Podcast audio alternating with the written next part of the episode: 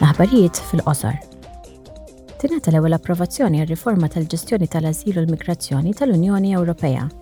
Din il-ġimgħa il-Kumitat tal-Libertajiet Ċivili approva approċċ ġdid għal ġestjoni tal-flussi lejn l-Unjoni Ewropea u regoli speċifiċi biex nindirizzaw il-kriżijiet.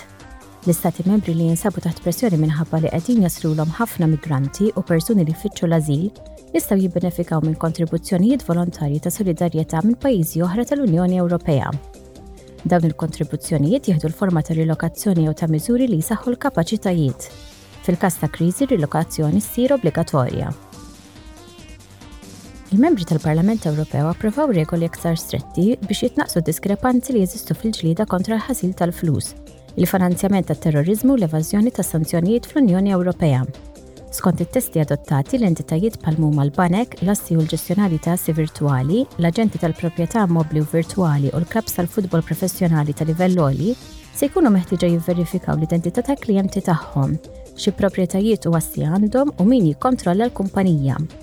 Barra minn hekk ser ikollhom jistabbilixxu tipi dettaljati ta' riskji ta' ħasil tal-flus u finanzjament tat-terroriżmu fis-settur tal-attività tagħhom u jgħaddu l-informazzjoni rilevanti lill-Reġistru Ċentrali. Il-President tal-Parlament Ewropew Roberta Metsola tinsab fin-Netherlands fuq żjara ta' jumejn. Għada f'The Hague, Metsola se jkollha ħin għall-istampa konġunt mal-Prim Ministru Mark Rutte u wara se jkollha laqgħa bilaterali. Fl-istess jum il-President Mezzola se tiltaqa' mal-Kunsill tal-Ministri tan-Netherlands u se jkollu udjenza mal-Majesta tiegħu ir-Re Willem Alexander.